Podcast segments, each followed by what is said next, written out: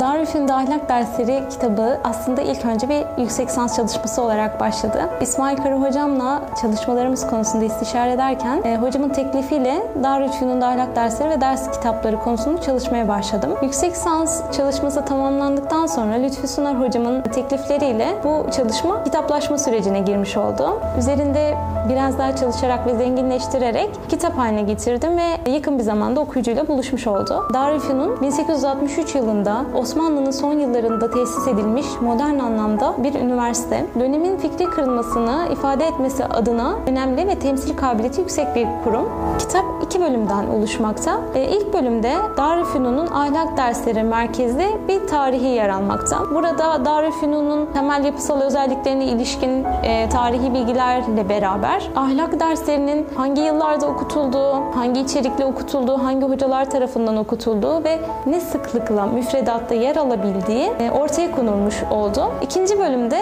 ahlak derslerini tedris eden hocaların bölümler halinde incelemesi yapıldı.